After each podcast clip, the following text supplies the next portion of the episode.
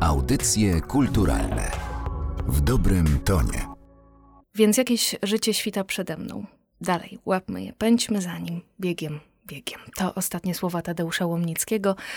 Przy mikrofonie Martyna Matwiejuk witam Państwa bardzo serdecznie w audycjach kulturalnych. Dziś moim gościem jest Michał Smolis, kurator wystawy Teatralne Maski Tadeusza Łomnickiego, organizowanej przez Instytut Teatralny imienia Zbigniewa Raszewskiego oraz Narodowe Centrum Kultury. Witam Pana bardzo serdecznie w studiu NCK. Dzień dobry Pani, dzień dobry Państwu. Wystawę mogą Państwo zobaczyć w Kordegardzie do 27 marca. Znajdują się na niej 52 fotografie portretowe Tadeusza Łomnickiego w obiektywie e, no, wielkich nazwisk e, polskiej fotografii. Tadeusz Łomnicki to postać e, niesamowita. Rozpoczął swoją przygodę ze sceną w wieku 18 lat. Jako bardzo młody człowiek odszedł z tego świata również na scenie. Chciałoby się powiedzieć, że jego życiorys to też jak sztuka teatralna. Czy jest możliwa taka analogia? Może ktoś kiedyś zrobi film fabularny Tadeuszu Łomnickim. Wtedy będzie można zobaczyć, czy jest to dramat sensacyjny, co to właściwie za, za historia jest. Może najciekawsze w tym filmie byłby jednak akt, akt twórczy i to całkowity akt twórczy. To, ile Łomnicki poświęcał i co był w stanie zrobić dla roli. Ale mm. czy to mhm. jest materiał na film fabularny? Bo wedle relacji świadków, zwłaszcza żony, która napisała wspaniałą książkę Król Lir nie żyje, ostatniej żony Tadeusza Omickiego, Marii Bojarskiej, która towarzyszyła mu przez te ostatnie dwie dekady jego życia, w sztuce, w życiu na co dzień, to życie to była ciężka praca. To była ciężka praca od rana do wieczora. Tą legendę podtrzymuje na pewno ta niesamowita śmierć. Śmierć właściwie na scenie, śmierć po powiedzeniu takich słów, które de facto są bardzo teatralną kwestią. Gdybyśmy spojrzeli na to z boku, to to jest, to jest śmieszna kwestia po prostu. On się tej śmieszności nie bał. Łomicki miał, miał tę wiedzę o naturze ludzkiej, miał tę wiedzę, to jest wiedza instynktowna, to jest wiedza, która świadczy jakiejś iskrze geniuszu, natomiast on tę wiedzę o naturze ludzkiej miał i nie bał się tej kwestii. On mógł wiedzieć, jak się zachował król Lir, jak się zachowało tysiąc innych bohaterów, których grał, nie będąc nimi. Bo przecież Łomnicki nigdy nie był królem, więc jak mógł wiedzieć, jak się król zachowuje, czy król Lir, czy każdy inny król, którego grał. Natomiast skądś to wiedział i dlatego był w tym wiarygodny. To jest nie tylko kwestia umiejętności czytania tekstu, bo to jest podstawowa umiejętność aktora, wbrew pozorom, przeczytania tekstu, rozłożenia akcentów. Trzeba jednak używać głowy. Natomiast do grania, jak twierdzą sami aktorzy, mózgu się już nie używa, więc to jest już, no właśnie, też jakaś tajemnica talentu, prawda? On to miał. Bardzo trudno jest mówić o aktorstwie, także wielkim aktorstwie, a zwłaszcza aktorstwie z przeszłości, której go nie możemy zweryfikować, tak jak dzisiaj, znaczy nie możemy zweryfikować aktorstwa teatralnego, dlatego że człowiek nie żyje od 30 lat. Możemy polegać tylko na opisach, na wspomnieniach wielu ludzi, właśnie na zdjęciach, które są pokazane na wystawie, na jakichś fragmentach z kronik filmowych, które też prezentujemy na tej wystawie. A jednak mamy dowody na to, że Łomicki był naprawdę e, jednym z największych aktorów XX wieku, chyba nie tylko polskich. Tak jak pan powiedział, to opisanie aktorstwa jest, jest niezwykle trudne, no bo to jest y, chyba jakaś taka wypadkowa bardzo wielu efemerycznych składowych. To zapytam może, czym pana zachwyca Łomnicki w swoich rolach? Z jednej strony niepowtarzalnością, to znaczy on nigdy nie powtarzał swoich środków, znaczy za każdym razem swoje środki środki budował do roli od nowa. Zmieniał wszystko. Znaczy, to był naprawdę aktor wielkiej transformacji i, i, który potrafił się transformować, bo można chcieć, a nie zawsze mieć na to przełożenie. On to miał i to jest jedna rzecz, a druga, no jest kilka ról, których ja nie widziałem, a które są nawet na tych kawałkach taśm filmowych. Czas płynie, aktorstwo się starzeje. To jest zrozumiałe, aktorstwo jest kompatybilne z, ze swoim czasem. Natomiast y, no, trzeba mieć jakieś narzędzia, żeby nawet patrząc po latach dostrzec po prostu, y, na czym polegała ta wielkość. I ja tutaj najczęściej myślę o karierze Arturo Ui, Bertolda Brechta. To był szczyt aktorski Łomnickiego. I nawet na tych fragmentach z polskich kronik filmowych, które są zachowane, widać, jak bardzo było to nowoczesne aktorstwo. Wtedy, na początku lat 60., jak ta forma aktorska Łomnickiego była nierealistyczna, i gdzieś, gdzieś w poprzek tendencji psychologicznej, aktorstwa realistycznego. Znaczy, tam było szukanie formy, są na to dowody. On tej formy szukał przez oglądanie filmów japońskich, na przykład aktorstwo Toshiro Mifune, gwiazdy filmów Akiro Kurosawy był bardzo ekspresjonistycznym aktorem. I Łomicki szedł w tej roli właśnie w taki ekspresjonizm i nie bał się tego. Jak sam o tym opowiadał. Przed, dzięki Toshiro Mifune szedł dalej, to znaczy wiedział, że tak można, że można szukać środków gdzieś w teatrze Dalekiego Wschodu opowiadał, że kiedyś Jerzy Grotowski go zapytał na ten temat, czy on e, obserwował, śledził zachowania, sposób jak grają chińscy aktorzy. Łomicki najpierw pomyślał, że Jerzy Grotowski, krótko mówiąc, wypuszcza go, prowokuje, ale potem się zorientował, że rzeczywiście on dotknął czegoś, co było w tym, co było w tym przekazie Arturo Ui. To jest to Shiromifune, to są też biomechaniczne eksperymenty Siewoda Meyerholda, czyli szkoła rosyjska ta biomechanika Meyerholda, która do końca nie wiadomo na czym polegała, natomiast wiadomo, że to było szukanie aktorstwa właśnie na przekór realizmowi, na przekór nawet naturalizmowi. I Łomicki takiej formy w tej roli szukał. No czy wreszcie na co zwraca uwagę reżyser tego przedstawienia, Erwin Axer, ekspresjonizm, ale nie ekspresjonizm japoński jak z filmów Toshiro Mifune, ale ekspresjonizm aktorów niemieckich i eksperymentów biomechanicznych Meyerholda i niemieckich aktorów ekspresjonistycznych Łomicki nie mógł widzieć, a jednocześnie było jakieś powinowactwo, co świadczyć może o wyczuciu czasu, o wyczuciu sztuki. To czasem się zdarza, że pewne rzeczy gdzieś na świecie, prawda, dzieją się podobnie, wydarzają się podobnie.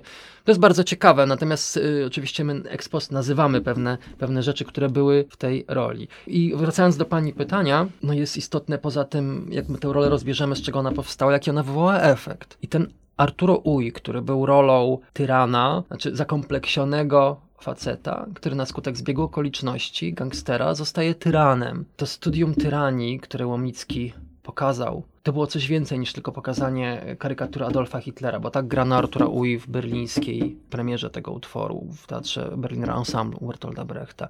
On pokazał jakąś prawdę uniwersalną o tyranie przez właśnie taką formę. I efekt był wstrząsający dla widowni, dla krytyków. Oni byli tą rolą porażeni. Czy można coś jeszcze? Często, kiedy rozmawiamy o takich e, postaciach, które zapisały się w historii kultury, to próbujemy znaleźć jakieś takie momenty przełomowe w ich karierach. Czasem to są jakieś spotkania, no, czasem zlecenia, w tym przypadku pewnie byłaby to rola, ale no, mam wrażenie, że w przypadku życiorysu Łomnickiego chyba próżno szukać takiego momentu. Chyba tych istotnych ról było tak wiele. Najbardziej istotna jest jego przeprowadzka do Warszawy, czyli to jest koniec lat 40., bo on grał na początku w Krakowie, w Katowicach. Wtedy był bardzo dobrze zapowiadającym się aktorem. Te jego pierwsze role w dwóch teatrach, czy w Szczęściu Frania, czy w Mazepie, świadczyły o dużym talencie. On był wtedy bardzo zapatrzony w swojego mentora, nauczyciela, którym grał, pracował na samym początku kariery, czyli Juliusza Osterwę, który był wielkim arystokratą sceny, amantem. Łomnicki nie był amantem i był tego świadom. Łomnicki miał taki rodowód plebejski i nie miał w sobie tego arystokratyzmu na scenie. Musiał czymś innym zaskoczyć. Zaskoczył tą formą, ale nie od razu. Dlatego myślę, że ten przyjazd do Warszawy i te próby szukania innej formy, to to już miało miejsce właśnie przy Arturze Ui, właśnie wcześniej jeszcze przy Figanii w Taurydzie Jona Wolfganga Goethego w Teatrze Współczesnym. To były próby szukania nowego Łomnickiego. Łomnicki wcześniejszy nie był tak oryginalny. Był zjawiskowy w jakiś sposób, natomiast nie był jeszcze tak olśniewający, jak to, co zaproponował na początku lat 60.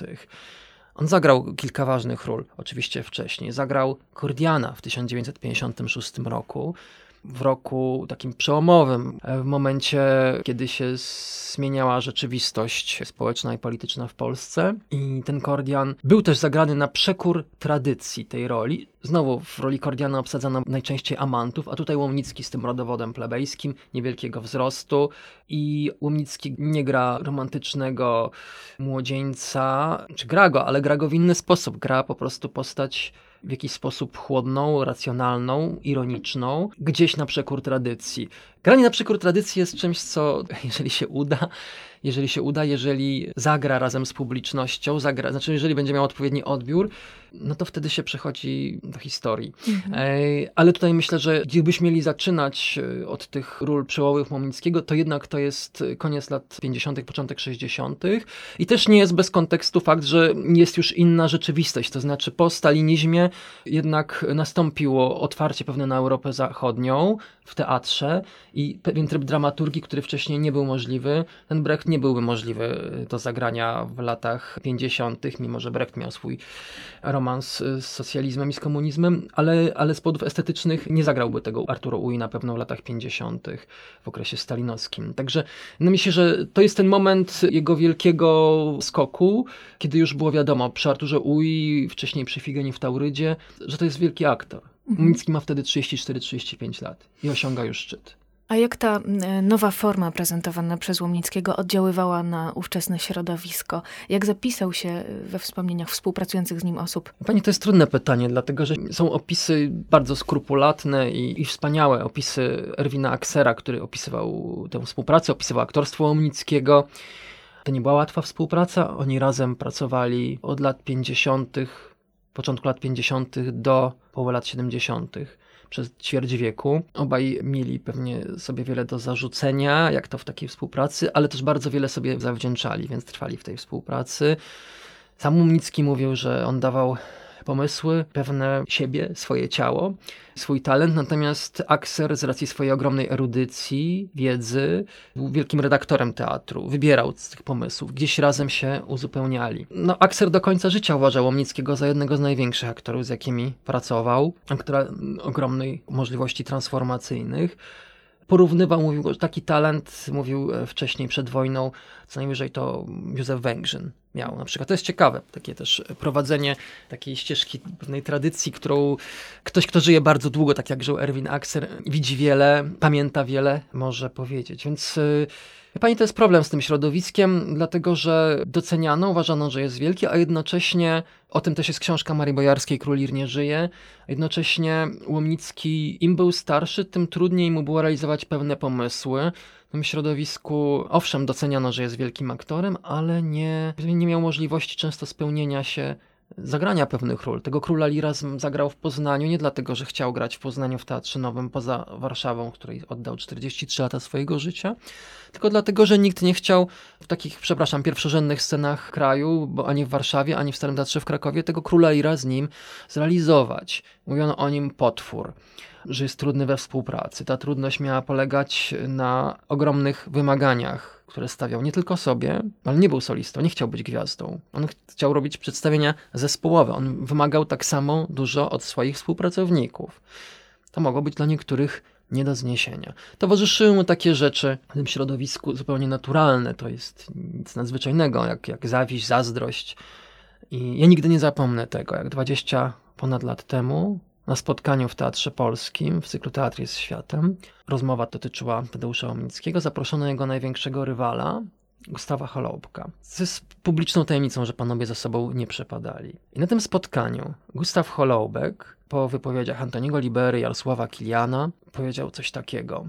Przyznaję, że Tadeusz był wielkim aktorem, zagrał rzeczy, których ja nigdy nie potrafiłbym zagrać ale wszystko, co Tadeusz Łomnicki robił, co grał, wynikało z nienawiści do człowieka. Muszę powiedzieć, że to była kuriozalna wypowiedź i chyba sam Holobek zorientował się, że jest kuriozalna, ponieważ później w autoryzacji, kiedy to nagranie zostało, że tak powiem, spisane i opublikowane w redakcji teatru, wycofał swoje wypowiedzi. No natomiast tak się zdarzyło, że parę osób było świadkiem tego no to jest jakaś absolutna bzdura. Gdyby Łomnicki budował swoje role z nienawiści do człowieka, to, to byłyby jakieś karykatury. To znaczy, to jest, to jest szokujące, że w ustach innego wybitnego aktora 10 lat po śmierci, bo to było 10 lat po śmierci Łomnickiego, jednak zazdrość i taki rodzaj niechęci przesłania pole widzenia.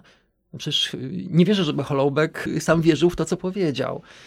Więc to, jak, jak jego środowisko oceniało czy ten jest, jest bardzo dwuznaczne. Jest bardzo dwuznaczne, dlatego że co się będziemy bujać? Środowisko jest zawistne, a środowisko ludzi tak wrażliwych na swoim punkcie, na punkcie swojego ego, Doskonale ci aktorzy, jego koledzy wiedzieli, że on ponad nich wyrastał po prostu. I to nie chcę tutaj pleść banałów o polskim piekle, że jak się wyrasta, to się po prostu przycina wtedy takiego człowieka. Ale tak, oczywiście ten argument, że był trudny we współpracy, jest jakimś, jakimś rodzaju argumentem, taką zasłoną dymną. No ale ja zawsze pytam, ale co w zamian? Znaczy, jak się kładzie na wagę, to co to, jest? A te role Łomnickiego naprawdę, rola w rolę były wielkimi osiągnięciami. I po co jest teatr? Czy po to, żeby od 10 do 14 odbyć próbę, potem zagrać przedstawienie. Nie wchodzi się do teatru bezkarnie. I chodzi o, o takie oddanie się sztuce, o ciężką pracę.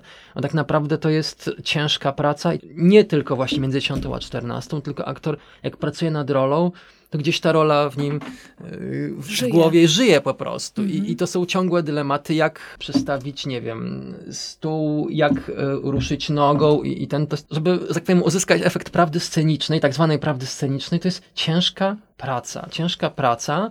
I jak ktoś ma warsztat, oczywiście może pewne rzeczy zrobić na pół gwizdka i też dostanie brawa publiczności. Można to zrobić od niechcenia. Tylko wtedy to jest, powiedzmy, poprawne. Nie ma oczywiście gwarancji, że jak się poświęci się wszystko tej sztuce, to powstanie jakieś arcydzieło, dlatego że nikt z nas nie zna przepisu na arcydzieło. Gdybyśmy znali te przepisy na arcydzieła i, i wielkie role, no to jedna po drugiej byłaby. Tak nie ma. No tutaj zdarzył się splot niezwykłych okoliczności, że w tym czasie, w tym okresie urodził się facet, który był tknięty tą iskrą Bożą i był w stanie zagrać tak niesamowite rzeczy, mieć tak ogromną wiedzę o ludzkiej naturze, nie wiadomo skąd i jednocześnie trafił w swój, to jest ważne to trafienie w swój czas, czyli to jest to zderzenie z publicznością, że ta publiczność go oglądała, że on nie tylko natrafił na krytyków, którzy potrafili opisać jego aktorstwo, co też jest jakąś składową później legendy, ale też miał publiczność.